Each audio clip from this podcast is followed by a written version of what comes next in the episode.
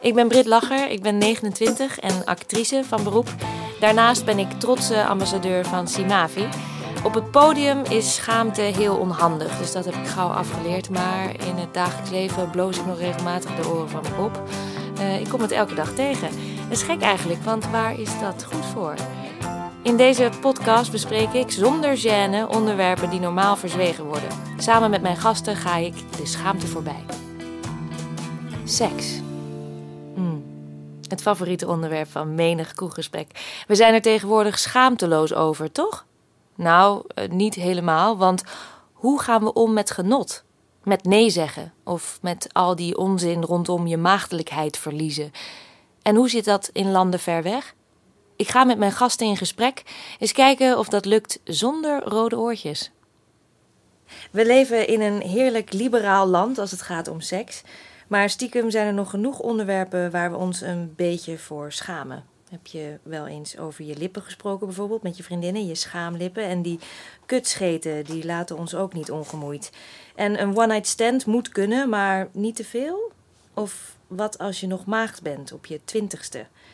We praten vandaag over seksualiteit en ik ga de schaamte voorbij met mijn twee gasten. Um, hier zitten Marleen Jansen. Marleen is van huis uit journalist en publiceerde jarenlang over vrouwelijke seksualiteit in verschillende bladen en haar eigen boeken. Inmiddels is ze met haar bedrijf Female Secret op missie. Marleen, wat is je missie? Mijn missie is seksuele voorlichting geven aan vrouwen en hen de geheimen van het valleiorgasme leren. Ik heb er nu al zin in. dat kan ik me voorstellen. Marleen is 52. Naast haar zit Doreen Tomesse.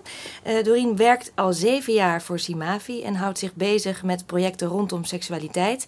Met name voor jongeren in Afrika en Azië. Praat jij in je vrije tijd ook zoveel over seks?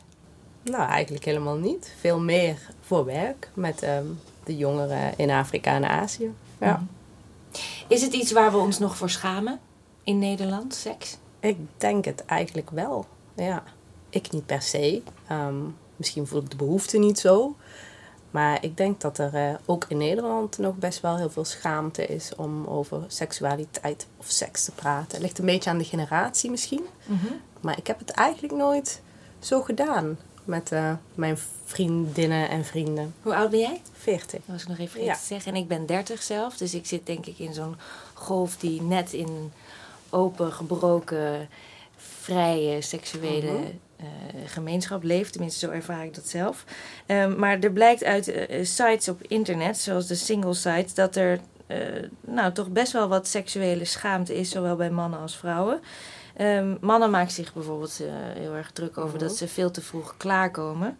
En bij vrouwen staat bovenaan iets totaal anders, namelijk dat ze naakt niet aantrekkelijk is. Oké. Dat zijn, vind ik, twee totaal verschillende, verschillende dingen, ja. dingen om je voor te schamen. Ja, bijzonder. Ja, voor vrouwen gaat het dus heel erg over uiterlijk. Mm En mannen over prestatie. Ja. Hoe ervaren jullie dat in je omgeving? voor jezelf, laat ik het voor jezelf vragen. Zijn, zijn, er, zijn dit dingen waar je over nadenkt als je seks hebt? Hoe zie ik eruit op dit moment? Nou, ik denk daar niet zo heel erg veel over na. Nee, ik denk er helemaal niet over na. Helemaal niet. Maar veel vrouwen blijkbaar wel. Ja. Maar ik denk dat, ik, ik wou sowieso al zeggen, gelijk net al, toen je die vraag stelde. Ja, seksualiteit is een enorm schaamtegebied. Mm Enorm. Dus ik werk de hele dag door met vrouwen van 30 tot 70 ongeveer. En schaamte, of, uh, seksualiteit is het grootste taboe, zou je wel kunnen zeggen. En ik weet niet eens of het nou de schaamte is over dat eigen lichaam. Maar het hele seksuele veld, om het zo maar te noemen. Oftewel, hoe doe je seks? Hoe geniet je van seks? Hoe maak ik seks leuker? Dat alles is omgeven door een, een wolk van schaamte. Mm Wat is, nou eigenlijk het verschil voor mij even tussen seks en seksualiteit? Hmm. Seks is de daad, denk ik. En seksualiteit is alles eromheen. Dus ook tot wie je aangetrokken voelt, of je je man, vrouw voelt. Um, uh, het is veel groter, veel breder. Wat vind jij daarvan? Ja, ja ik zie het hetzelfde. Ik denk bij seks altijd aan uh, de daad. ik, noem dat, ik, ik heb dat over penetratieseks. En dat is natuurlijk heteroseksueel seksueel neuken, zeg maar. Maar ik hou niet zo van het woord neuken. Dus ik zeg dan altijd de daad of penetratieseks. Dat is echt seks. En daarover weten we heel veel, denken we. Want eh, daarover krijgen kinderen ook al seksuele voorlichtingen op de lagere school. Hoe, dit is een banaan en dit is een... eh, Condoom. ja, een banaan staat dan voor de piemel en dan een eh, wc-rol voor de vagina. En dan wordt voorgedaan hoe dat in elkaar gaat. En, en kinderen krijgen op de lagere school ook al voorlichting over hoe je voorkomt dat je met dat doen een kind krijgt. Namelijk, dan wordt er voorgedaan hoe je een condoom over de banaan doet. Ja. Dus zeg maar alle technische ins en outs over seks, over neuken en over kinderen maken. Daar weet eigenlijk iedereen eh, een heleboel van. En daar op zich is denk ik niet zoveel schaamte op. Maar ik denk dat de schaamte zit op het gebied van de seksualiteit. En voor mij is seksualiteit het gevoel, het genot, het plezier, de interactie met je partner, Mhm. seks met jezelf. Als je geen partner hebt. Ja. Dus, dus voor mij is dat. Dus ik denk dat wij Ja, wel op één lijn zitten. Ja, dat denk ik ook. En ik vind het heel grappig om te horen dat, ehm, dat er dus veel schaamte is in Nederland om over die seksualiteit te praten. Want ik dacht dat dat eigenlijk iets was wat meer hoort bij de landen waar ik ehm, ervaring heb. Mhm. En ik denk dat we ons daar nog heel erg focussen op technische aspecten. We willen vooral eh, dat eh, jongeren daar, ehm, meiden daar weten eh, hoe het werkt en hoe je allerlei risico's kan voorkomen. En het is pas iets van de jaats- laatste jaren dat we ook weer wat meer aandacht gaan geven van nou, het moet wel plezierig zijn, je moet ze geen eh, angst eh, aanpraten. Ehm, dus dat stukje plezier waar jij het over hebt, wat in Nederland eigenlijk misschien toch ook nog wel taboe is, dat is nog een veel groter taboe in de landen waar we werken, waar die techniek zeg maar al lastig is eh, om over te praten. Daar is zeg maar het hele plezier rondom seks is eh, nog moeilijker bespreekbaar. Ja. Want daar horen allerlei normen en waarden die vaak cultureel, soms religieus gebonden zijn eh, bij. Mhm. Dus dat is, ehm, ja, dat is niet altijd even makkelijk. Nee. En jullie zijn natuurlijk allebei eh, goed bewapend, om zo maar te zeggen, als het over seksualiteit en seks gaat. Want het, wat het betreft jullie beroep grotendeels. Ehm, maar hoe is dat voor jullie persoonlijk? Wanneer, wanneer maakten jullie kennis met seks, Marleen? Eh, je bedoelt wanneer ik eh, ontmaagd werd, de eerste keer seks deed? Ja, nou ja, ja, zoiets. Wanneer je er voor het, voor het Ja, eerst in welke periode. eh, ja, en, en hoe je vooral over hoe je daar dan mee omging. Dat je zo'n nieuw tijdperk betrad. Namelijk dat dat toegankelijk was. Nou, wat, ik, ik, ik had eh, al heel vroeg een eh, serieus vriendje. Dus ik werd ontmaagd toen ik eh 16,5 was. Wat jong was. Want als ik nu meiden van 16 zie, denk je, nou, ik hoop echt dat ze nog even vier jaar wachten. Ik denk dat het echt beter is voor meiden als ze wat beter in hun eigen vel zitten voordat er geneukt wordt, zeg maar. Ja. Ik was 16 en ehm, ehm, ik ging het ook als een kind bijna heel vrolijk tegen mijn moeder vertellen. ja. Zo van, nou we hebben het gedaan. En wat deed mijn moeder? Die ging gelijk taart halen. Oh, wauw. Om het vieren. Dus we zaten met de hele familie, inclusief het vriendje, aan de koffietafel. En we gingen, ik weet nog precies wat voor taartjes het waren. tompoesen Ja. waren het. En die zaten we lekker te schransen met z'n allen. En, ehm, eh, dus het, het werd gevierd als een... eh, weet je, de eerste menstruatie was in het gezin waar ik uitkom belangrijk. Mhm. Toen werd ik van meisje tot vrouw.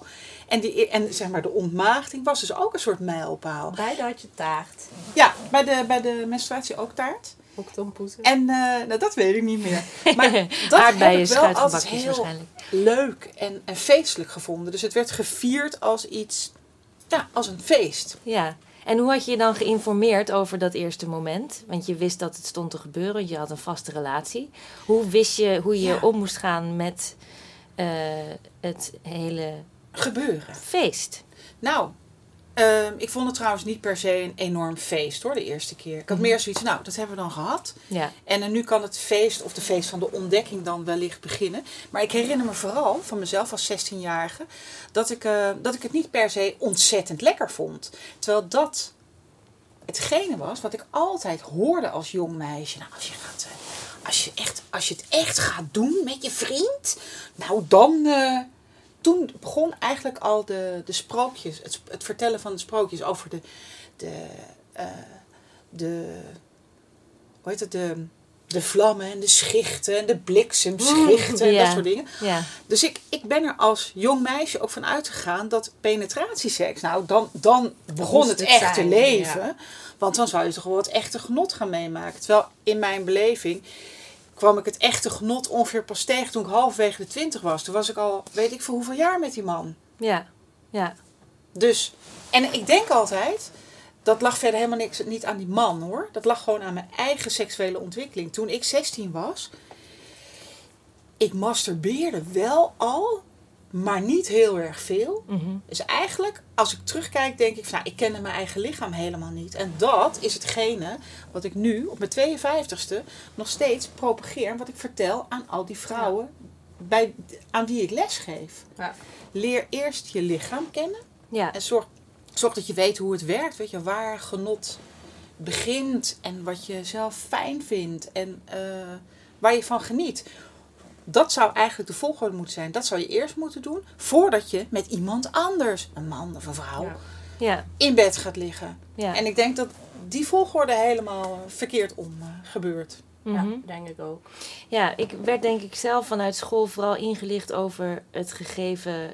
er kan een kind geboren worden vanaf het moment dat je seks hebt. Of je kan, je kan zwanger raken. Dat het veel meer ging over de, de praktijk... en wat het dan als eh, gevolg met zich meedroeg. De risico's. Ja, en vooral heel erg ging over seksuele en voorlichting. pas op. Ja, eigenlijk Ja. wel. Hoe Mhm. heb jij dat ervaren? Nou, ook wel zo. Ik denk dat ehm, ik niet een hele berg aan seksuele voorlichting heb gehad. Biologieles kan ik me herinneren, waar het inderdaad heel erg ging over zwanger worden of niet en wat je moet doen om het te voorkomen. En eigenlijk is dat nog ook ehm, wat we heel erg eh, doen in de landen waar we werken. Dus echt over ehm, van hoe voorkom je risico's. Dat hoort natuurlijk ook een stukje bij, eh, nou ja, je wilt dat, eh, dat mensen gezond blijven, zich gezond kunnen, kunnen ontwikkelen. Maar ehm, ik ben het er dus heel erg mee eens dat, je, dat seks vooral ook leuk moet zijn. En gezonde seks is fijne seks. En ik ben er ook van overtuigd dat je dat alleen maar kan hebben als je weet hoe je eigen lichaam in elkaar zit. Maar daar komt meteen ook een beetje een probleem als in ehm, landen, zeg maar, ehm, seksualiteit. En daar hoort ook masturbatie bij. Heel erg taboe is of afgekeurd wordt. Het alleen maar hoort binnen een eh, echtelijke relatie. Alleen maar hoort tussen een man en een vrouw. Alleen maar hoort als je een bepaalde leeftijd hebt. Dan, ehm, ja, dan wordt de jongeren eigenlijk vanaf het begin gezegd van je moet niet aan jezelf zitten. Je moet, het, ja, je, moet eh, eh, je, je ma- je mag niet eh, je aanraken. Je mag iets niet lekker vinden. Ja, hoe kan je dan ooit als je de daad gaat doen... ehm, genieten. Dus ik, ik Ja. twijfel heel erg aan ehm, of, ehm, of er wel genoten wordt van seks door beide partijen. Want ik denk dat het voor een man iets makkelijker is om tot genot te komen dan voor een vrouw als ze niet weet hoe haar lichaam in elkaar zit. En dat is wel iets waar ehm, veel meer openheid over eh, komt nu in eh, programma's in landen waar we werken. Maar ehm, ja, de nadruk is nog altijd wel een beetje geweest op, nou, voor- voorkom een probleem. Ja, ja. Jammer. En, en, en hoe oud zou je dan moeten zijn eh, dat je begint met goede inlichting over dat Ja. het dus ook genot mag zijn, dat het niet alleen maar baby's veroorzaakt of Ja. niet? Ja, ik denk dat het globaal, dat, dat jongeren allemaal rond dezelfde leeftijd een beetje beginnen te experimenteren. Mm, al- al- Als je in de puberteit komt, Ja. dat hoort er gewoon bij. Ja, En dat is vaak eerder dan dat, eh, dat we denken. En eh, nou ja, als je bijvoorbeeld, eh, we, we hebben ook allerlei projecten die gaan over menstruatie. Er wordt al snel gezegd van, nou, je kunt pas over menstruatie praten op het moment dat een meisje menstrueert. Maar het is toch eigenlijk wel heel prettig als je weet wat, je, wat, wat er komen gaat. Eh, Iets wat van tevoren. ja, Dus ja. ik denk dat dat ook, geldt voor, eh, nou ja, vo- vo- voordat je allerlei verlangens krijgt. ehm, dat het misschien handig is dat je weet dat het normaal is wat je voelt. En Ja. dat je er niet, ehm, nou ja, dat je er niet eh, ziek van wordt of eh, afgestraft wordt. Ja, eh, als je aan jezelf zit en je eigen lichaam ontdekt. ja. Dus nou ja, wat de leeftijd is, dat vind ik lastig. Maar ik denk dat je al op hele jonge leeftijd eh, over seksualiteit kan praten. Hè, misschien niet het hele palet, maar je kunt met hele jonge kinderen kun je praten over eh, nou ja, hun, hun lichaamsdelen benoemen. Ehm, Ja. laten wennen aan dat, eh, nou ja, dat, dat, dat, dat, dat zij aan hun lichaam moeten zitten. Misschien hun vader of moeder, maar niet zomaar iedereen. Ja. Ehm, dat soort zaken. Dat, dat, dat er gevoelens bestaan van lief vinden. Ja. eh, of juist niet. Dat kan je al met eh, een kind van vijf bespreken. Ja, nou dat vonden ze op de Nederlandse televisie ook. Ik weet niet of jullie in de ban zijn geweest van de luizenmoeder, net als Ja. de 4 miljoen eh, gemiddelde kijkers. Ik wil even een fragmentje laten horen van de welbekende juf Ank. Die probeert haar basisschoolleerlingen iets bij te brengen over seksuele voorlichting. Als grote mensen elkaar heel erg lief vinden, dan gaan ze soms speciaal knuffelen. Dan gaan ze in hun blootje op elkaar liggen. En dan gaat de blote pielenmuis in de blote voorwips. Ja, dit is eh, Pielenmuis. een pielenmuis en de voorbips. Dat zijn eh, twee wonderlijke woorden die je kan kiezen voor de mannelijk, het mannelijk en het vrouwelijk geslachtsdeel. Hoe moeten we daarmee omgaan? Wat moeten we nou eigenlijk zeggen? Ik denk dat je het gewoon moet noemen zoals het heet. Eh, niet eromheen draaien. Ja, ik In, ook. de- in landen eh, waar ik werk zijn er, ehm, zijn er soms benamingen voor een vagina of een penis die ehm, in het woord al schaam hebben zitten. Hè. We, hebben ook, we, we hebben het over de schaamstreek. Maar als je zeg maar een kind vanaf dat ze zeg maar kunnen praten al leert dat ehm, een vagina iets is wat, wat niet eens een naam mag hebben of eh, hè, wat een, een, een, een shameful en een, een naam heeft waar je niet eh, je mag er niet aan zitten, je mag het niet benoemen, je, mag, ja, je moet er vooral ver van af blijven. Ja. Ja, daar, daar ontstaat denk ik al het, eh, het probleem Ja, van nou ja, dat straks seks heel erg ingewikkeld wordt. Ja. En zeker niet iets waar je van kunt of mag genieten. Hebben jullie zelf hebben jullie kinderen? Ja, ik heb eh, twee meiden. En, hoe, en eh, jij hebt het met hun gewoon over hun vagina. Eh, ja, over- nu over de poenie, hè, zo heet het eh, tegenwoordig. het dat vind ik eigenlijk wel een mooi. woord. Ja. Dus ehm, nou, moet dat, dat, eh, en daar wordt in Nederland ook aandacht aan besteed in de media. Dat komt gewoon in het jeugdjournaal komt dat voorbij. Dus dat wordt, eh, dat wordt ten harte genomen. Dus ik vind hem wel, eh, ik vind hem wel mooi. Ja. Ja, sympathiek is het. Ja, Het is wel een lief woord. ja, Oh, mooi. Ja. ja. Want het klopt natuurlijk wel. eh, ja, vagina is een beetje een, ehm, Het voelt Ja. heel medisch. beetje een medisch woord. Ja. Ik vraag me dan ook af, ik hoor ook wel eens dat je moet zeggen vagina eigenlijk. Oh, Maar dan raak ik alweer in de Het wordt war. steeds akeliger. Ja, ja. Ja. ja. dan vind ik poenie eigenlijk ook een hele fijne keus. Ja. Ja. Ik heb geen kinderen. Mhm. Ehm, en ik gebruik in, ik geef voorlichting, seksuele voorlichting aan volwassen vrouwen. Dus dan, dan reken ik zeg maar vrouwen vanaf 18, maar in de praktijk zijn het vrouwen vanaf 30 ongeveer. Mhm. En dan praat ik altijd over vagina. Officieel zou het eigenlijk vulva moeten zijn. Ja, Vagina is eigenlijk alleen de, ja, alles. Ja. Maar omdat niemand in Nederland weet wat een vulva is, bij wijze van spreken. En ik vind vulva persoonlijk ook een soort heel akelig woord. Dus ik heb het gewoon over vagina. Ja. En over penissen praat ik nooit. Want in mijn werk gaat het echt over de vrouwelijke seksualiteit. En, ik, en de man en zijn geslachtsorgaan komt wel eens ter sprake, maar is echt minimaal. Ja. Dus ik heb het gewoon altijd heel zakelijk over de vagina. Of over het genitale gebied heb ik het ook vaak over. En ehm, ik krijg er eigenlijk nooit klachten over. Nee. Want het is namelijk zo duidelijk als wat. Ja. Het onderlichaam kan ook wel eens. Ja, dat, dat vind ik dan Ja, eigenlijk alweer heel vaag. voor mij de- Dan je, ja, daar horen mijn voeten dan ook bij. het Ja, zou je ook kunnen zeggen. Maar ik heb het in ieder geval nooit over. Je kan ook zeggen schaamstreken. Ja. Nou, dat, dat weiger ik te zeggen. Want, Want dat waar, vind ik. waar komt dat vandaan? Schaamstreek, schaamlippen. De, waarom zit dat woord schaam daaraan vast? Ja, omdat je een onderbroek aan hebt, hè? Dus alles in de onderbroek is eh, heel erg privé. Nee, dat, dit. Maar ik heb, is ook weer- een, ik heb ook een blouse aan, ik heb ook een broek aan, ik draag sokken, ik heb schoenen, maar ik noem Ja. niet mijn schaamtenen, die bestaan niet. Nee. Nee. Maar mensen hebben in principe altijd ondergoed aan. Mhm. Dus mensen beschermen hun genitale gebied, om het zo maar te over hun Ja. geslachtsorganen, worden Ja. gewoon bedekt. En dat was al zo in de oertijd. Ja, Omdat eh, met je geslachtsorgaan doe je iets, waarschijnlijk met een ander, misschien met een andere man als vrouw, of met een andere vrouw kan natuurlijk ook.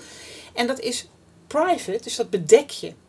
ja, En ik denk dat daar die woorden oorspronkelijk vandaan komen. Mhm. Schaamstreek, schaamhaar, schaamlippen. Het is ehm, privé. En dat heeft ook wel een mooie kant, vind ik trouwens. Ja, maar ik vind privé wel iets anders dan iets om je voor te schamen. Dus ik snap dat bedekken wel. Ja, en ik maar snap waar het natuurlijk- vandaan komt. Maar dat schaam, dat vind ik, dat, dat, dat veroorzaakt eigenlijk problemen. Ja. Want dat maakt het Ja. er ook moeilijk is om erover ehm, te hebben misschien. Ja, maar dat komt natuurlijk ook omdat we in een wereld leven waarin de christelijke moraal geldt. Hè? En in Mhm. jouw Afrikaanse en Aziatische landen Ook. Ja. ook. En eh, islamitische moraal en Ja, andere precies. culturele. En de, de kerk, om het zo maar te zeggen, of de religies, die hebben van seks iets schaamtevols gemaakt. Ja. ja. Dat klopt heel erg. Zeker als het gaat over genot. Zeker. De voortplanten, oké dan. Kinderen maken Mhm. prima. Maar dat je daar verder dan ook nog plezier aan beleefde of ja. kan beleven, dat is niet aan de orde. Nee, Ja, nee. daar, eh, komen we straks nog even natuurlijk uitgebreid op terug over het, over het genot ervan. Ehm, ik vind het wel interessant. Jij, jij zei net, het is privé. Dus je privé delen in Engeland zegt natuurlijk eigenlijk je private part en zo. Mhm. Ja. En schamen. Maar waarom... Waarom is het iets wat je... Het is natuurlijk iets wat je alleen maar met je vrienden bespreekt eigenlijk, of niet? En is het daarom iets wat je niet aan eh, eh, het grote publiek vertelt? Eh, jongens, hey, hoe gaat het bij de koffiemachine? Nou, ik heb gisteren heel chill seks gehad en hij heeft me heel uitgebreid gebeft. Weet ik veel, dat soort, dat soort gesprekken voer je niet. Dat is iets van jezelf. Ja. Ja. En ik vraag me af, omdat, ja, omdat het toch ook iets is waar je trots op zou kunnen zijn, dat je dat, je dat mag hebben in de Mhm. westerse wereld, waarom het nog steeds iets is wat achter gesloten deuren wordt besproken. Nou ja, het is eigenlijk heel simpel. Als je op straat loopt, in de Kalverstraat, kan je daar een zak patat eten. Ja, En dat doe je ook in de openbaarheid. Maar je trekt op de Kalverstraat niet je broek uit. En dan ga je niet op je vriend liggen. nee, maar we hebben wel de Red Light District, wat, waar gewoon vrouwen in hun bikini achter een raam maar staan. dat ja. is een andere vorm van seksualiteit. Want Ja. zijn ook betaalde seks. En we- daar hebben we het nu niet over. Nee, nee. Dat is echt wat anders. Dus ehm, ehm, ja, de dingen, eigenlijk is het heel simpel. De dingen die je in de slaapkamer doet, die zijn van jezelf en van je geliefde. Ja, je wilt ze niet delen, dat is het misschien. Nee. Hè? Er zijn een aantal Ja. zaken die. Dit het is gewoon tussen twee personen. En dat is dus intiem, Ja, privé. ja. En, ehm nou ja, je hoeft je er niet echt voor te schamen. Maar Nee. dat zal wel met, meer, meer Nee. inter- eh, het zal met elkaar te maken hebben. Dat, om, omdat het iets is wat tussen twee personen is, dat je niet heel erg daarover wil hebben met anderen. Dat je het Ja, behalve, exclusief wil houden. Behalve, als- behalve als je heel erg verliefd bent. Mhm. Weet je, dat, dat moet je maar eens om je heen kijken. Als je verliefde vriendinnen hebt, die hebben dan net eh, twee weken een nieuwe Dan wil ze heel veel vertellen. Piet aan de haak geslagen. en nou ja, dan, dan weet je, zo'n nieuwe Piet, dat brengt enorm veel seks met zich mee. Want dat is eigen aan verliefdheid. En dan gaan mensen, die, die het worden dan een soort eh, eh, ontremd eigenlijk. Ja. Want verliefdheid is natuurlijk een soort eh, ontremmingsziekte. En die gaan dan bij de koffieapparaat staan vertellen hoe vaak ze het vannacht al niet hebben gedaan. en hebben. Wat Piet allemaal heeft gepresteerd. en dan zie je ook iedereen eromheen zo een beetje ja. terugtrekken en denken van... Verzitten, eh, blouse even losschudden. Ja, en ehm, nou, die eh, nemen dan sluipend de benen. Omdat het ook iets is... Ja, ik hoef niet eh, in Pietse onderbroek te kijken als ik geen verkering met hem Nee, het is ook het is ergens ook het leuk om het voor jezelf te houden. Ja, Maar eh eh Doreen, jij zei net dat eh, schaamte ook gevaarlijk kan zijn. Dat Ja, het een beetje gevaarlijk is. Waarom? nou het hele ehm, niet praten over seks en seksualiteit, silencing sexuality noem ik dat dan. Dat, ehm, dat leidt ertoe dat, eh, dat, dat mensen niet heel goed weten hoe, hoe, hoe het gaat. En dan de technische aspecten, maar ook de plezieraspecten. Dus als je er nooit over hebt en alleen maar, ehm, zeg maar iedere keer weggestopt wordt, dan weet je op een gegeven moment ook niet ehm, dat je seksueel overdraagbare aandoeningen kan eh, oplopen, dat, dat je zwanger kan worden op sommige momenten, wanneer je überhaupt zwanger bent, wat, wat de tekenen zijn. Ehm, ja, weet je ook niet wat, wat, wat normaal is wanneer eh, eh, ehm, we het eigenlijk hebben over dwang. Want Mhm. dat, eh, ja, wanneer eh, ehm, kun je nou seks hebben ehm, op een normale, gezonde manier? Ik denk dat er heel veel vrouwen zijn in Nederland, ook nog zelfs, die nou, die ervan uitgaan dat, dat, dat je seks moet hebben met de partner waarmee je bent. Waar je een, waar je man-vrouw relatie mee hebt. Of man-man, waar, waarbij je hè, je partner is. Dat dat een beetje zo hoort. Dat je niet hoort te weigeren. Ehm, dat soort dingen, die, die- als er niet over seks gepraat wordt, dan kan je ook niet praten over eh, seksueel geweld, eh, huiselijk geweld. eh, niet over ehm, dingen die niet helemaal pluis zijn. Dus dat vind ik kwalijk. Ja. Dus ik denk dat enige openheid over, eh, over seks, dat het, eh, dat het wel goed is. Want ehm, anders komen er een heleboel issues komen er niet aan het licht. En dat zijn met name issues die voor vrouwen heel erg vervelend zijn. Die zijn er altijd ehm, net iets meer de dupe, net iets meer ehm, in de problemen. Ja, ja. En er moeten, de, de- het is natuurlijk belangrijk dat er niet allemaal mythes de wereld ingeslingerd worden. eh, die eh, uiteindelijk het alleen maar meer onderdrukken om er open over te zijn. Precies. Heb- Hebben jullie, zijn jullie eh, mythes tegengekomen rondom dit onderwerp? Ontmaagding, maagdenvlies en allemaal dingen waar ik nu aan moet denken.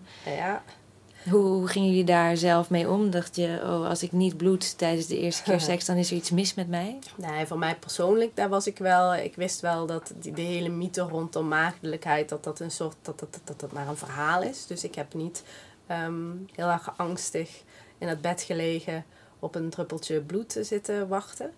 Ehm, maar die mythe die is wel ehm, heel groot in landen waar we werken, zowel in Afrika als in Azië. In Azië denk ik nog een stukje meer. Waar je echt eh, nou ja, op je huwelijksnacht wel, wel eh, moet bloeden. Of hè, waar het heel belangrijk is dat je, dat je maagd bent. Ja, in Indonesië wordt nog zelfs als je bij de politie of in het leger wilt, eh, dan wordt er een maagdentest wordt er, op jou uit. Serieus? Ja, dat is echt zo. Een twee-vingertest, heel, eh, heel smerig. En je kunt dus helemaal niet, ehm, je kunt helemaal niet voelen, tenminste, dat, dat begrijp ik. Ik ben geen gynaecoloog met twee vingers of iemand nou ehm, wel of niet ooit alles ehm, eh, seks heeft gehad. Eh, maar ja, dat, dat, dat zo, zo hoog zit het, zeg maar, in, ehm, in die contraien. Het is zo belangrijk dat een meisje eh, schoon is en ehm, nou ja, van goede huizen komt. Zo wordt het dan gezien als ze zo'n pu- publieke functie gaat betreden. Dat ze daar ehm, nou ja, een test voor moet eh, ondergaan. Ongelooflijk. Ja. Ja. En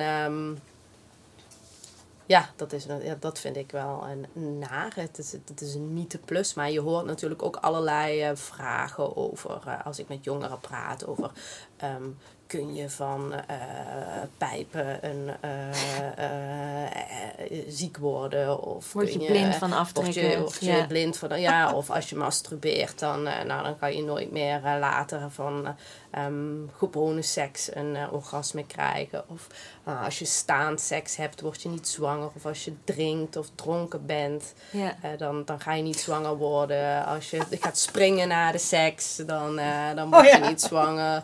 Ehm, van alles. Ja, de- er eh, komen de meeste ehm, ja, interessante vragen komen er voorbij. Maar ik denk dat dat waren vroeger vragen.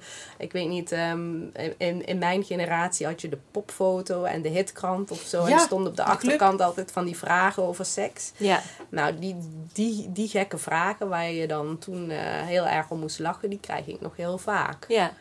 Ja, Ja. en Ja, het is wel interessant wat jij nou vertelt, want jij bent tien jaar jonger dan ik. mhm, En ehm, ehm, de kwesties die jij nou noemt, waar jij tegenaan loopt, die Mhm. vragen die je tegenkomt in Afrika en, Afrika en Azië, die kom ik in Nederland nooit meer tegen. mhm, Dus ik denk dat, dat eh, Nederlandse vrouwen in ieder geval die weten het wel. technisch beter zijn Ja. voorgelegd. Dus die inderdaad weten, nou als je gaat springen na de daad, dan kan je wel degelijk zwanger zijn Ja. enzovoort.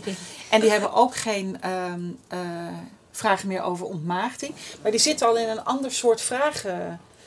Zij stellen ander soort vragen. Ja. Dus de grote mythe bijvoorbeeld die, eh, die ik, waar ik bijna elke dag eh, mee te maken krijg, is de mythe over het orgasme. Ja. Vrouwen zeggen, zeggen dan bijvoorbeeld, deze vraag krijg ik elke dag. Ja, als ik het met mijn man doe, kom ik niet klaar. Ben ik, af, ben ik abnormaal? Ja. Hm. Dus bij mij gaan de vragen altijd over, ben ik wel Normaal. normaal? Ja. En dan is mijn antwoord altijd, nou ja, er bestaat helemaal geen bestaat normale vrouw. Er is ook geen doorsnee vrouw. En er zijn ook geen doorsnee regelgeving over zo moet je seks hebben, zo hoort het wel en zo hoort het niet, omdat we gewoon allemaal unieke en eh, ja, unieke mensen En zijn. allemaal anders. En allemaal anders zijn. Alleen er is wel een. ehm, ehm, er is een. Zeg maar, de, de basis van. Eigenlijk zou, eh, ehm, zou seksuele voorlichting je hele leven door moeten gaan. Ja. En als je kijkt naar de Nederlandse situatie, krijgen kinderen tot. Nou, tot 13, 14, misschien 15 krijgen ze nog wat seksuele voorlichting bij de biologieles. Ja? Waar dan inderdaad eh, het gipsmodel van de penis wordt getoond. Met dan het condoom en zo. En daarna stopt het. Ja. En, ehm, en ik verbaas me er eigenlijk keer op keer over. Omdat ik denk, nou, je bent 15 jaar, je zit in de biologieklas.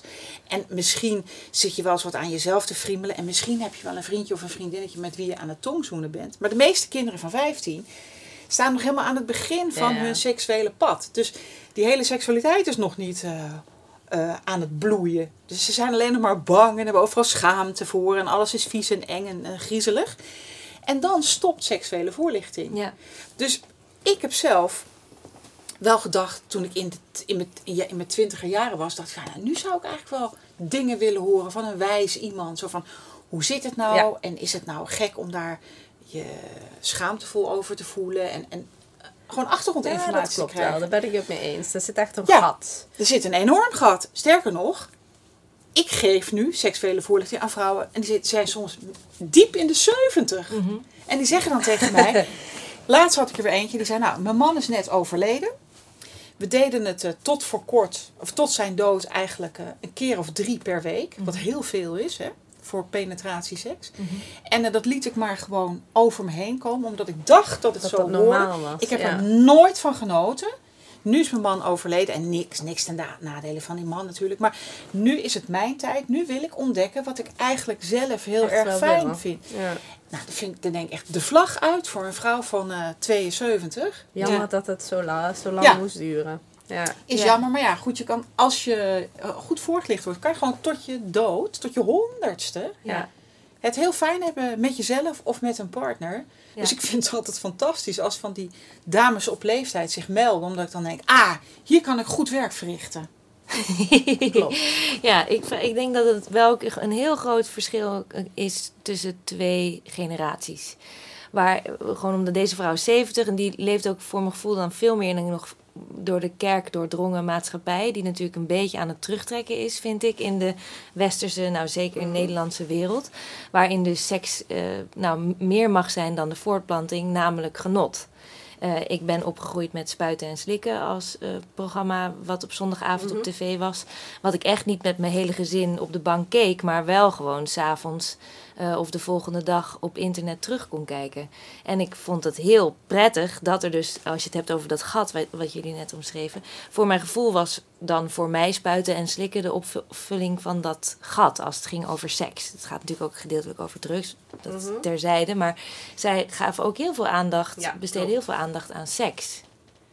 Ja, er is wel heel veel beschikbaar in Nederland wat dat betreft. Hè. Misschien geen eh, één op één consultaties. Of ik weet niet precies hoe dat bij jou werkt eh, in groepen waar je over praat. Maar in de media is er wel heel veel ehm, aandacht. En er valt ook veel te lezen. Dus je kunt het wel halen als je wilt, denk ik. Ja, maar ik vind nog steeds, toch even een punt van kritiek. Ja. Ik vind zelfs in Nederland, waar inderdaad, eh, waar we allemaal bevrijd zijn, waar we de seksuele revolutie achter de rug hebben, waar, waar je in elke Viva, Libelle, Margriet, Linda kan lezen over anale seks en weet ik veel wat voor seks. Toch gaat het nog steeds over technische seks. Ja. En ondanks dat, hè, ondanks die enorme overload van kennis en informatie, weten mensen nog steeds heel weinig. En jij zei net van ja, dat ligt misschien aan die leeftijd. Ik noemde die vrouw van 72. Maar er zitten in mijn community ook vrouwen van 30 die heel weinig weten. Ja, ja. Dus tussen de 30 en de 70, het is maar een greep, hè, maar zeg maar het gros van de vrouwen weet gewoon heel weinig. Ja, ja. En ik, ehm, ik, ik enquêteer heel vaak onder die enorme groep vrouwen. Hè, om te weten wat er speelt en wat ze weten van specifieke deelonderwerpen. En dan blijkt dat van die vrouwen maar 2% is voorgelicht door haar moeder. Aha. en- 2%! Dus jij stelt ze dan vragen. Ja. Dan stel ik ze vragen over, over de technische aspecten. Nou, technische aspecten, dat is meestal wel goed geregeld, want dat weet, dat, is, dat is allemaal op te zoeken. Maar over gevoelskwesties en over je eigen lichaam onderzoeken en je eigen genotsgebieden eh, onderzoeken, daar, da- specifiek daarover, over gevoel, weet niemand iets. Nee. En vindt iedereen het toch een beetje eng om dat eigen lichaam aan te raken. Ja. Maar jij zegt net door de eigen moeder. Heb jij vroeger met je moeder over seks gesproken? Ja, mijn moeder was wel een eh, moderne, Open mind? open-minded vrouw. Mhm. Eh, dus zij heeft eh, mij en mijn broer en mijn zus wel seksuele voorlichting gegeven, maar heel technisch. Ja. En we kregen ook hele leuke verantwoorde kinderboeken waar dan ook in stond hoe het Mhm. allemaal moest gebeuren. Mhm. En ik herinner me één ding over genot. Dat stond in dat boek en dat ging erover. Zag je een tekening van een meisje dat aan touwtjes springen was. En dan stond erbij. eh, seks is eigenlijk net zoiets als touwtjes springen. Het geeft een heel fijn gevoel. Maar net als touwtjes springen kun je dat niet de hele dag doen natuurlijk. Oh ja.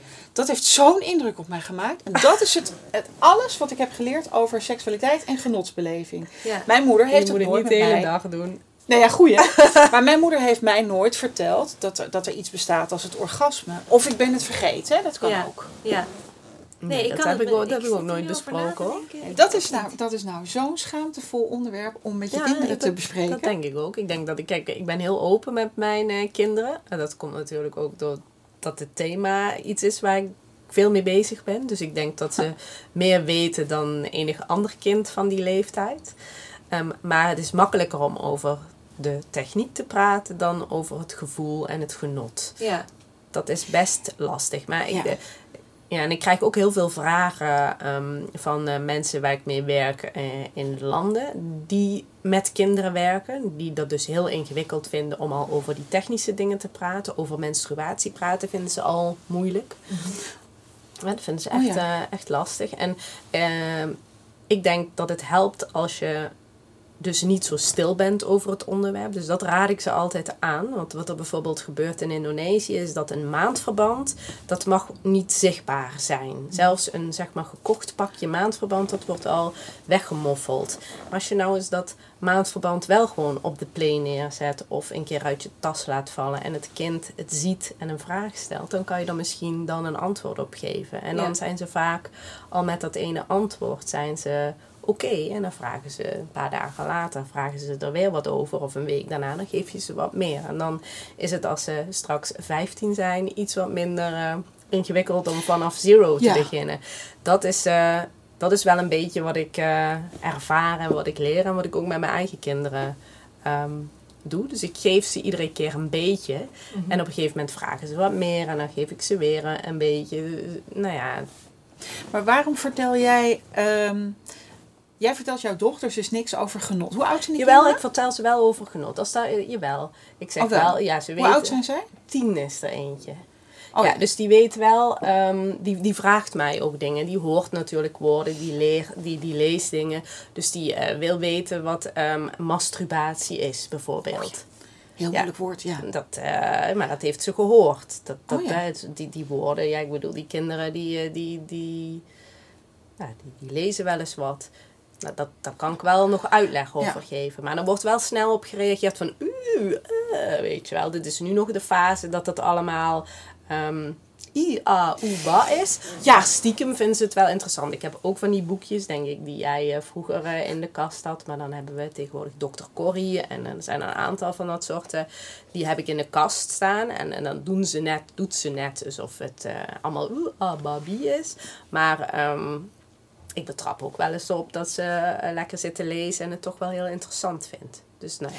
Ja, en op zich is dat eigenlijk ook een prima manier. Want wat natuurlijk ook zo Mhm. is, als je kind bent, wil je helemaal niet van je moeder Nee. horen over, eh, Ik wilde dat ook niet. Nee! Mijn moeder het- dacht vroeger altijd maar van, eh, nou, ze, heeft een vriendje, dus ze gaat seks hebben. Terwijl ik daar helemaal nog niet zo mee bezig was. Dus ik had de hele tijd het gevoel dat mijn moeder dacht en maar bang was dat ik, ehm, dat, dat ik seks ging hebben. Dus die zette de doos condooms neer en eh, nou, die, die was veel meer bezig dan, eh, dan, dan ik zelf. dan jij. Ja, ik denk dat in haar Ja. generatie dat ze misschien wel veel, ehm, wel eerder ehm, seks had destijds.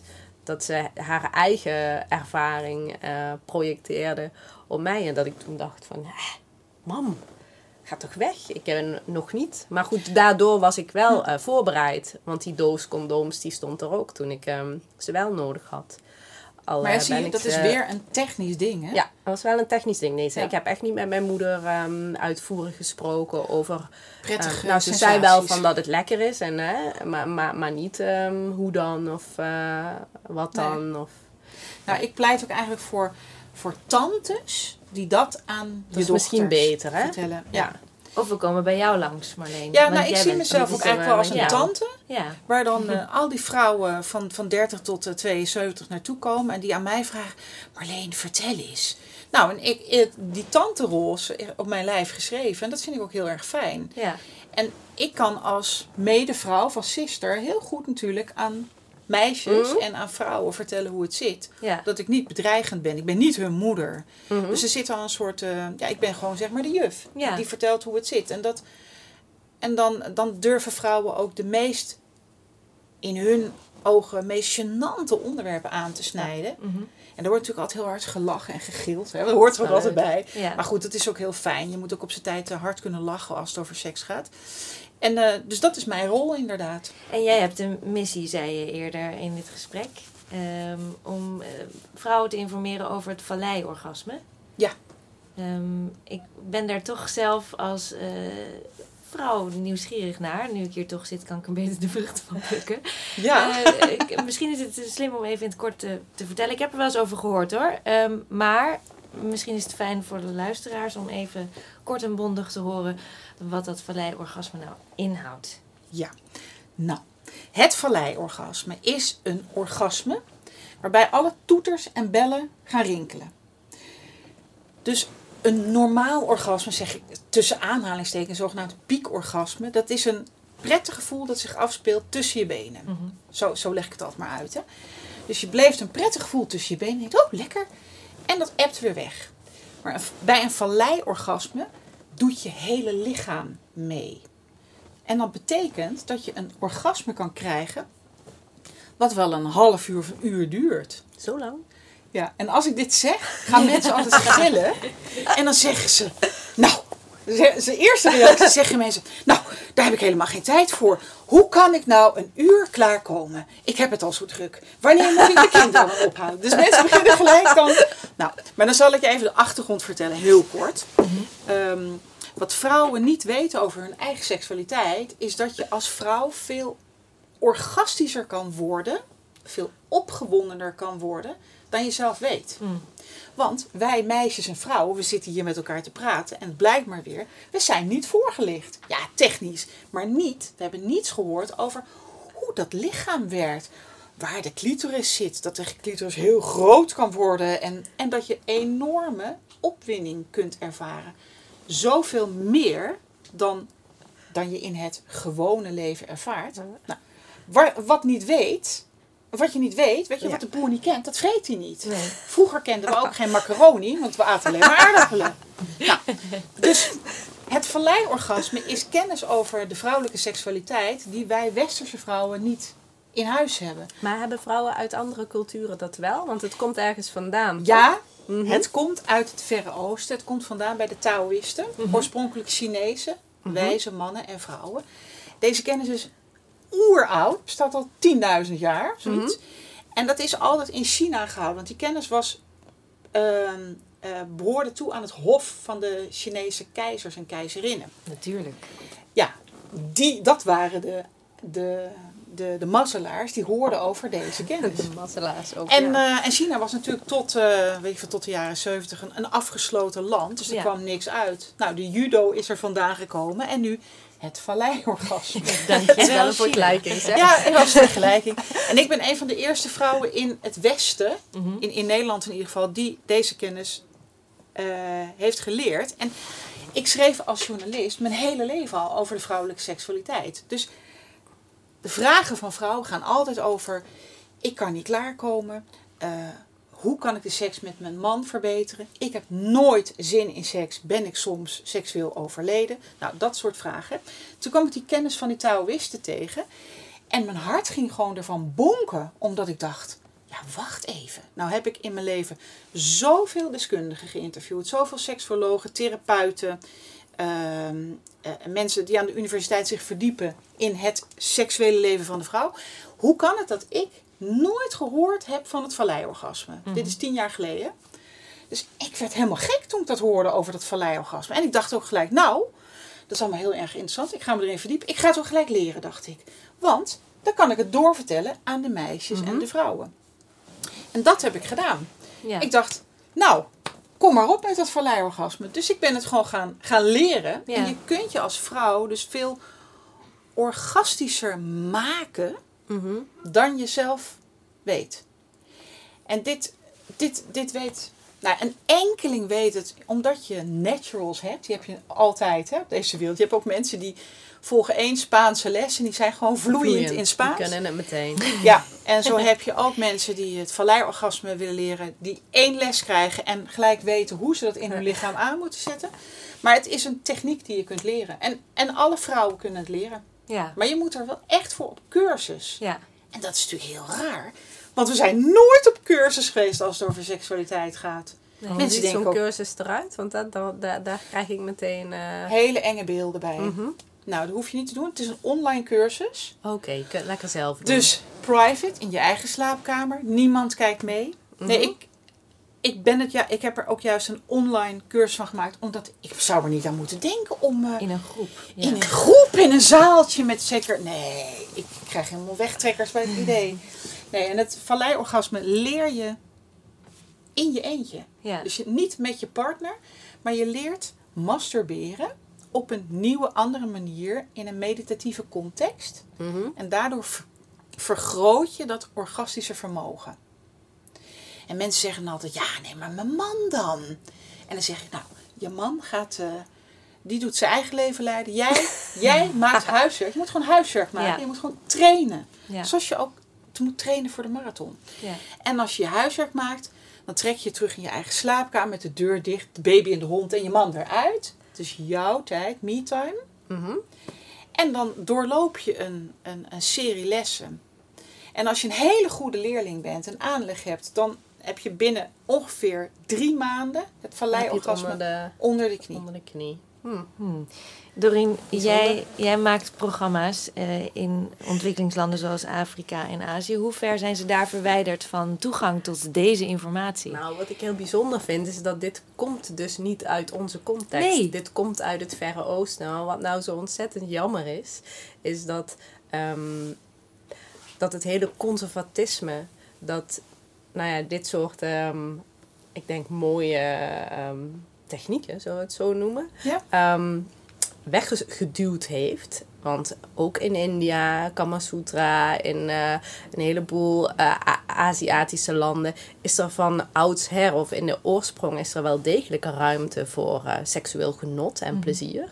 Maar ik denk dat vooral met de komst van de kerk, ehm, de islam, met ehm, eh, meer de ehm, zogenaamde moderne, en dan heb ik het nu niet westerse eh, groepen die van alles vonden over, over moraliteit en seksualiteit, dat het een heel stuk eh, minder vrij en plezierig is geworden op dat gebied. Dus nu, wat ik zie is dat er vaak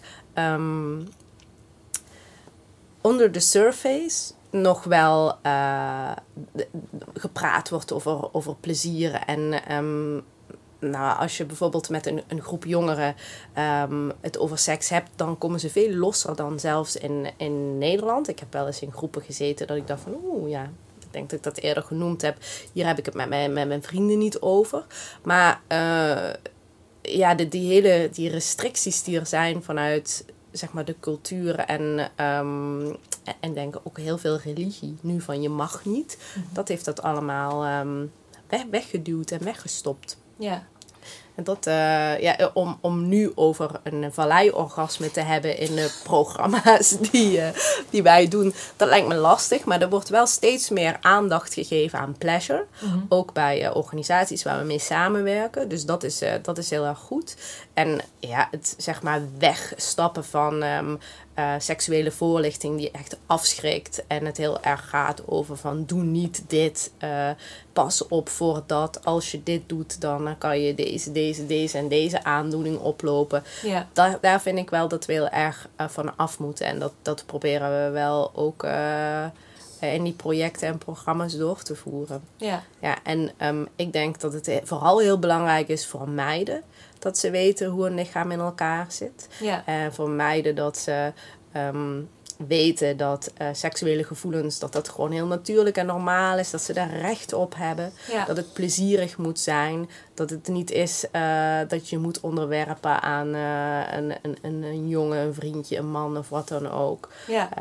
dat soort zaken die bespreken we echt wel. Ja. En um, voor... Um, voor mij is consent heel erg belangrijk. Hè? Dat wederzijdse instemming. Mm -hmm. Dat is eigenlijk het allerbelangrijkste als het gaat over, uh, over seks. Ja. Dat beide partijen willen. En um, denk dat... Um, nou ja, je wilt iets omdat je er, um, je er prettig bij voelt. Mm -hmm. Dus daar is het zeg maar waar, nou ja, waar, je, waar je ook over plezier hebt. En dat je moet oppassen dat je niet dan weer gaat praten over nou ja, wat niet plezierig is of wat fout is. Ja.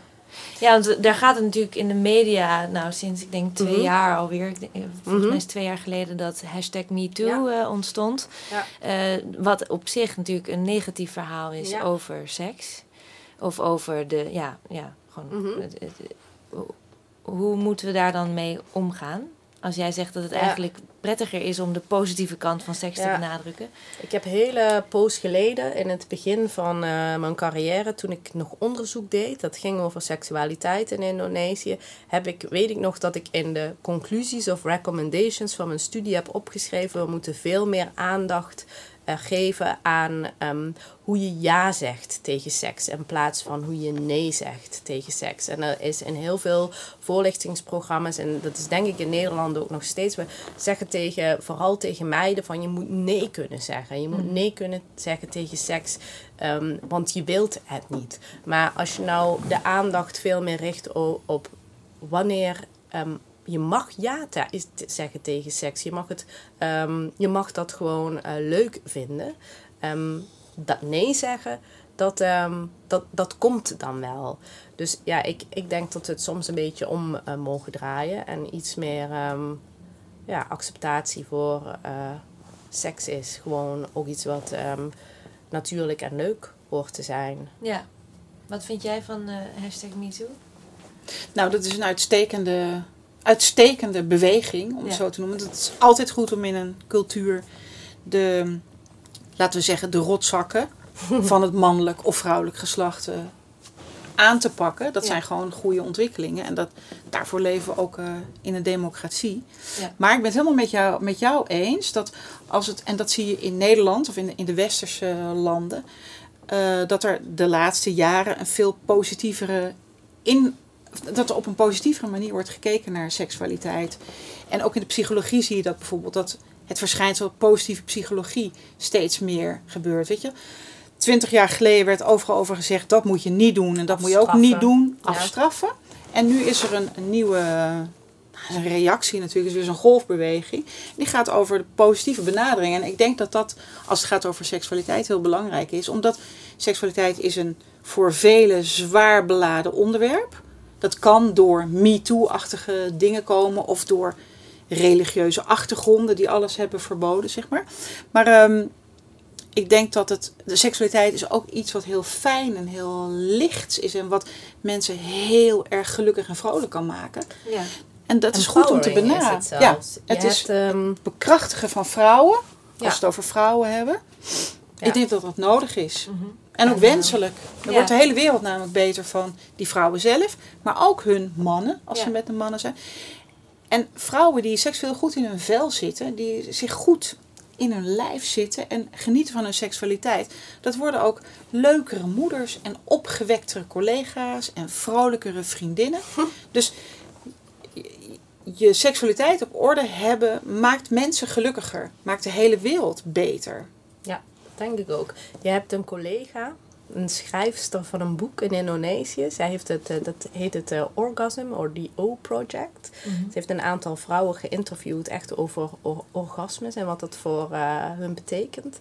En zij, zij beweert dat op het moment dat een vrouw weet wat ze fijn vindt en ook om dat orgasme kan vragen aan die man, dat dat een, ehm, een eerste stap naar empowerment is. Want als je dat, pas als je dat kan vragen, hè, dan kan je ook ehm, andere zaken voor elkaar krijgen en eh, claimen en vragen. Dus het is heel interessant. Moet je een keer. eh, Ja, dit is, dit is ja, ik, ik juich nu al over deze vrouw. Ik ben, ik ben het helemaal met deze stelling eens.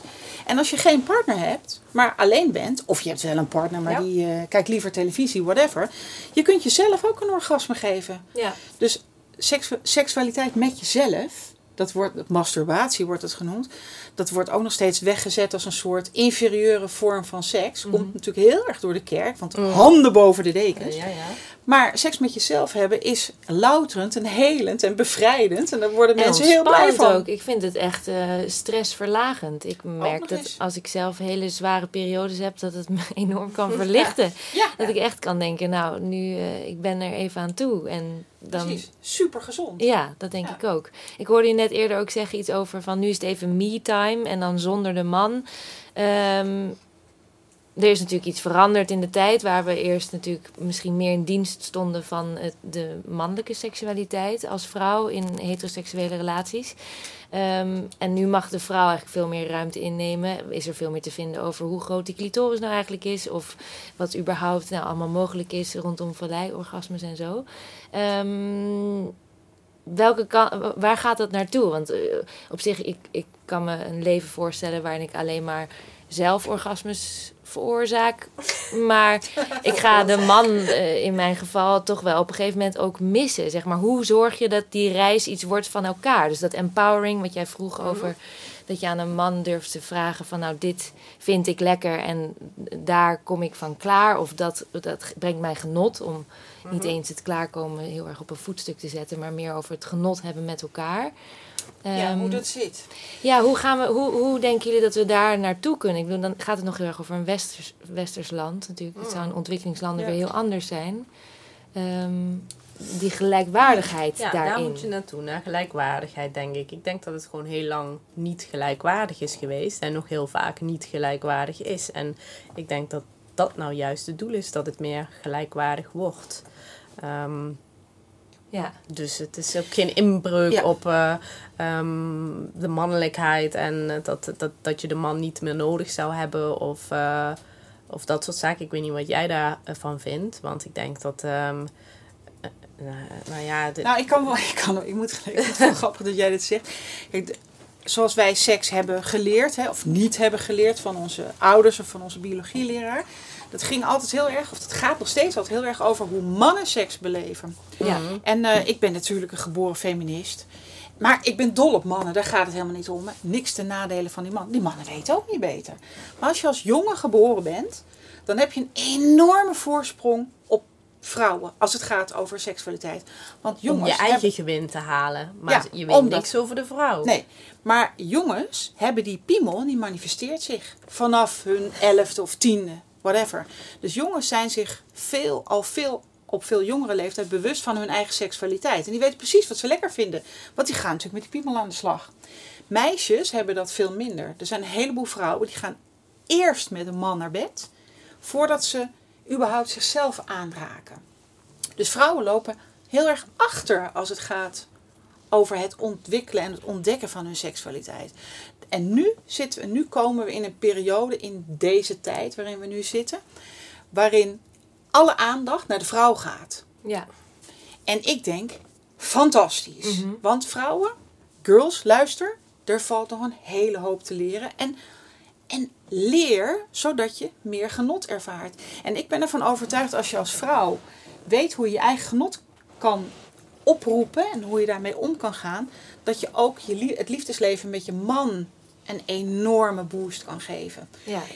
En eigenlijk zou dat ook op een soort natuurlijke, organische manier moeten gaan. En dan ga ik even vanuit dat je gewoon een goede, gezonde, schone relatie hebt. Hè. We hebben het hier niet over eh, krankzinnige toestanden met hele moeilijke relaties en zo. Ja. Gewoon fijn, gezond. Je houdt van elkaar. En je vindt het fijn om tegen elkaar aan te liggen in bed. En orgasmes te beleven en alles wat daarbij hoort. Ja. En als je als vrouw goed weet hoe je zelf in elkaar zit, dan kun je dat je man of je vrouw met wie je bent vertellen. Ja. Het gaat gewoon over praten met elkaar. Ja. Wat vind ik fijn? Wat zou ik wensen? Zoals je ook met elkaar praat over wat eten we Aha. vanavond? Of eh, zullen we nou een rode bank nemen of een blauwe? Wat denk Ja. jij? Ja, Harry? gewoon daarover. Ja. Pleiten jullie daar ook zo eh, voor met de projecten van Simavi? Nou, ik denk Om de dat vrouw dat, het eh, gesprek aan te laten gaan met een man? dat zou heel mooi zijn.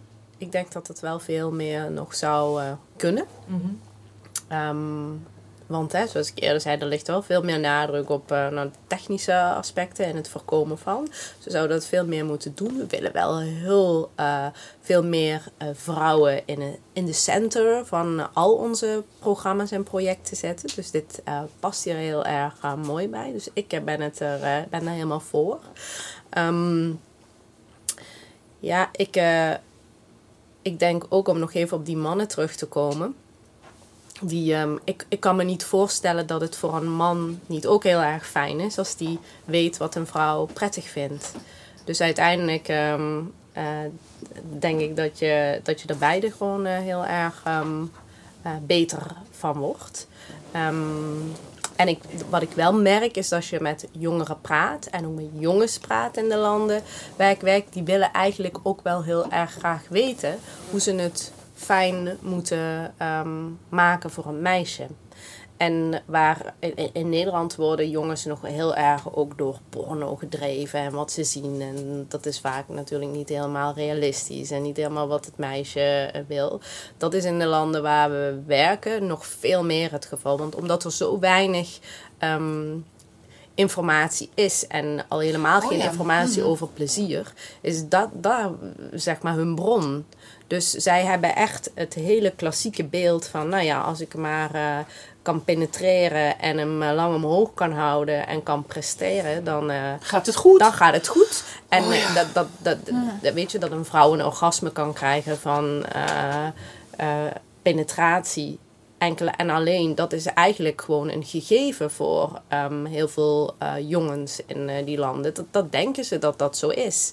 Ja. En ehm, ja, ik vraag me af eh, of, of dan echt wel heel veel meiden zijn die, ehm, die, die dus blij worden van seks. Ja. Ik denk dat heel veel gewoon ondergaan is.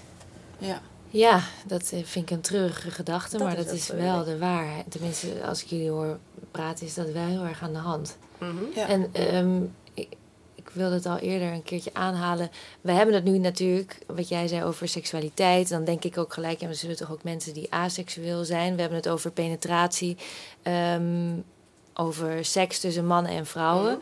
Maar dan is het natuurlijk nog een gigantisch hoofdstuk, lijkt me zeker in ontwikkelingslanden rondom eh, en ook in het Westen, eh, homoseksualiteit. Ja.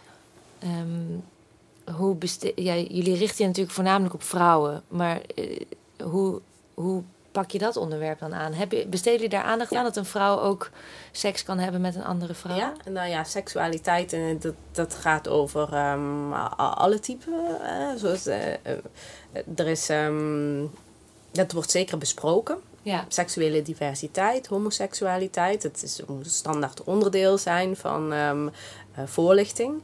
Ehm, maar er zijn natuurlijk landen die heel erg eh, veel restricties hebben om er überhaupt maar over te praten. Ja. Dus dat maakt het ingewikkeld. Mhm. Dan probeer je dan een weg in te vinden om dat toch ehm, te bespreken. Ehm, in Afrikaanse landen is dat nog een stukje moeilijker bijna. Daar is homoseksualiteit echt soms heel moeilijk te bespreken. Um, terwijl issues als abortus bijvoorbeeld, die zijn um, uh, soms wel wat makkelijker in de Afrikaanse context te bespreken en uh, lastiger in de Aziatische context. Ja, dat is moeilijk, maar um, we proberen met organisaties te werken die verandering willen en die dat gesprek aandurven te gaan. Agents uh, for Change noem je dat, echt mensen die, die durven een andere mening te hebben. Dus mm -hmm. daar zoeken we ook wel onze partners um, op uit. Ja. Maar er ontstaan wel, uh, wel, wel eens heftige discussies. Ja. Um, voor ons is het belangrijkste dat uh, seks, zoals ik zei, dat het iets is wat beide partijen willen. Ja. En dat dat iets is wat, um, of dat nou tussen twee mannen, twee vrouwen of gemixt is, als beide partijen ermee instemmen, um, dan is er um, in principe niks mis met die seks dan wil je het beide.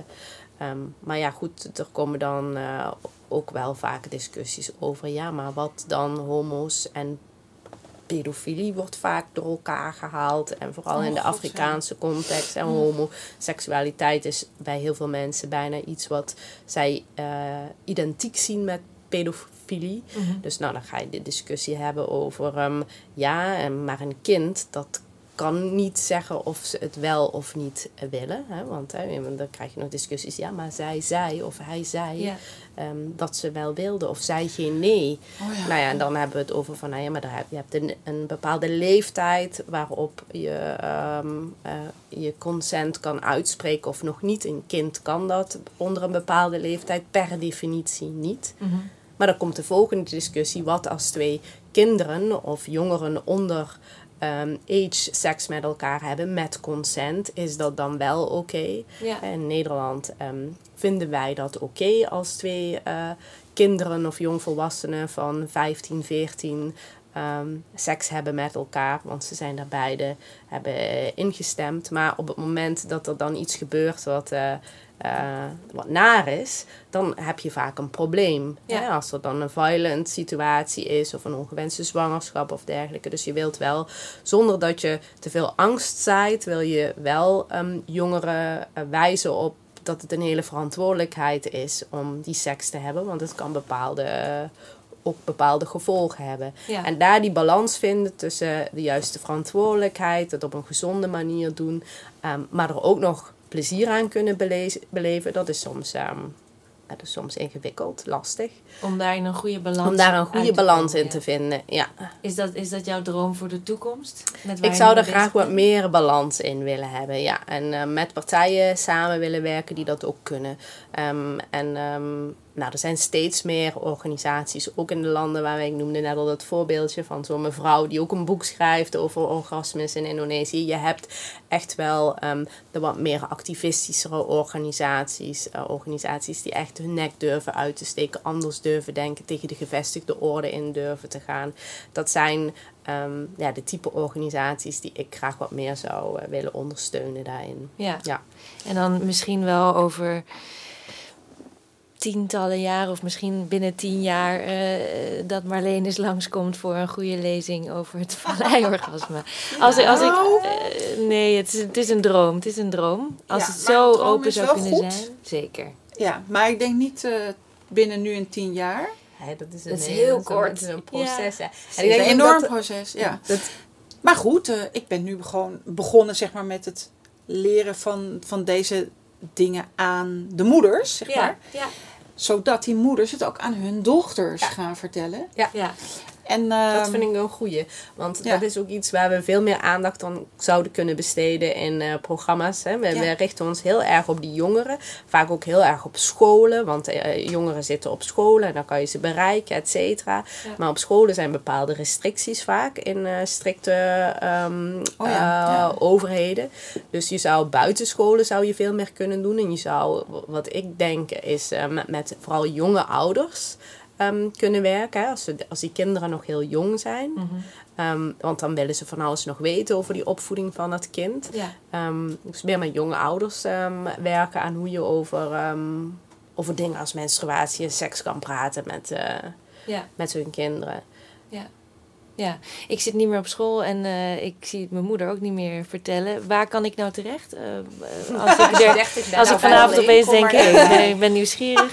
Uh, nee, maar is er, is er, is er een naslagwerk, is er een website, waar, waar kan ik op terecht, Marleen? Um, ja, mijn, mijn, mijn, webs mijn website is www.femalesecret.amsterdam. Want het is het vrouwengeheim van Amsterdam. In deze liberale wereld kan ook nog uh, voorlichting gegeven worden. Dus daar, daar zijn vrouwen van harte welkom. Ik heb ook een aantal boeken geschreven waarin, waarvan alleen voor vrouwen de, de bestseller is en de belangrijkste is. En daarin vertel ik ook over wat het valleiorgasme is. Maar het boek gaat over hoe vrouwen anno nu in de westerse wereld kijken naar seksualiteit. tegen welke problemen ze aanlopen. Wat ze interessant en spannend en mooi vinden. Dat geeft een heel goed tijdsbeeld. Ja. Dus dat is wel een leuke beginner maar op die website kan je abonneren. Dan krijg je elke week een hele fijne liefdesbrief van me. Oh, wat een feest. Ja, waarin ik al die, al die onderwerpen die gaan over seksualiteit en de liefde en relaties. Want dat is natuurlijk één grote kluwe. Ja. Bespreek. En, uh, ja. Dus je bent van harte welkom.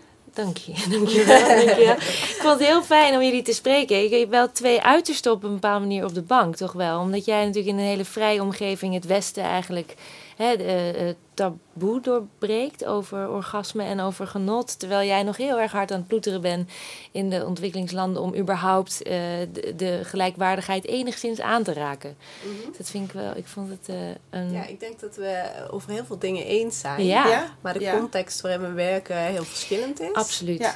En ik zou ook niet voor pleiten om alleen naar, naar een van de landen te, te halen. Maar ik zou die nee. Marleens in die landen die wil ik vinden en die wil ik ondersteunen. En ik denk dat dat is wat, uh, wat Simavi doet. We zijn op zoek naar degene die um, het werk wat jij hier in Nederland doet, uh, vanuit daar um, uh, aan de vrouwen brengt. Ja, dat is, ja, dat is fantastisch. Zo gaan we het doen. Zo Vind ik een hele mooie afsluiter. Als je meer informatie zoekt, kan je naar uh, simavi.nl slash de schaamte voorbij. Wat mij betreft zijn wij de schaamte wel uh, voorbij gegaan vandaag. Dank jullie wel. Wil je meer weten? Ga dan naar simavi.nl slash de schaamte voorbij.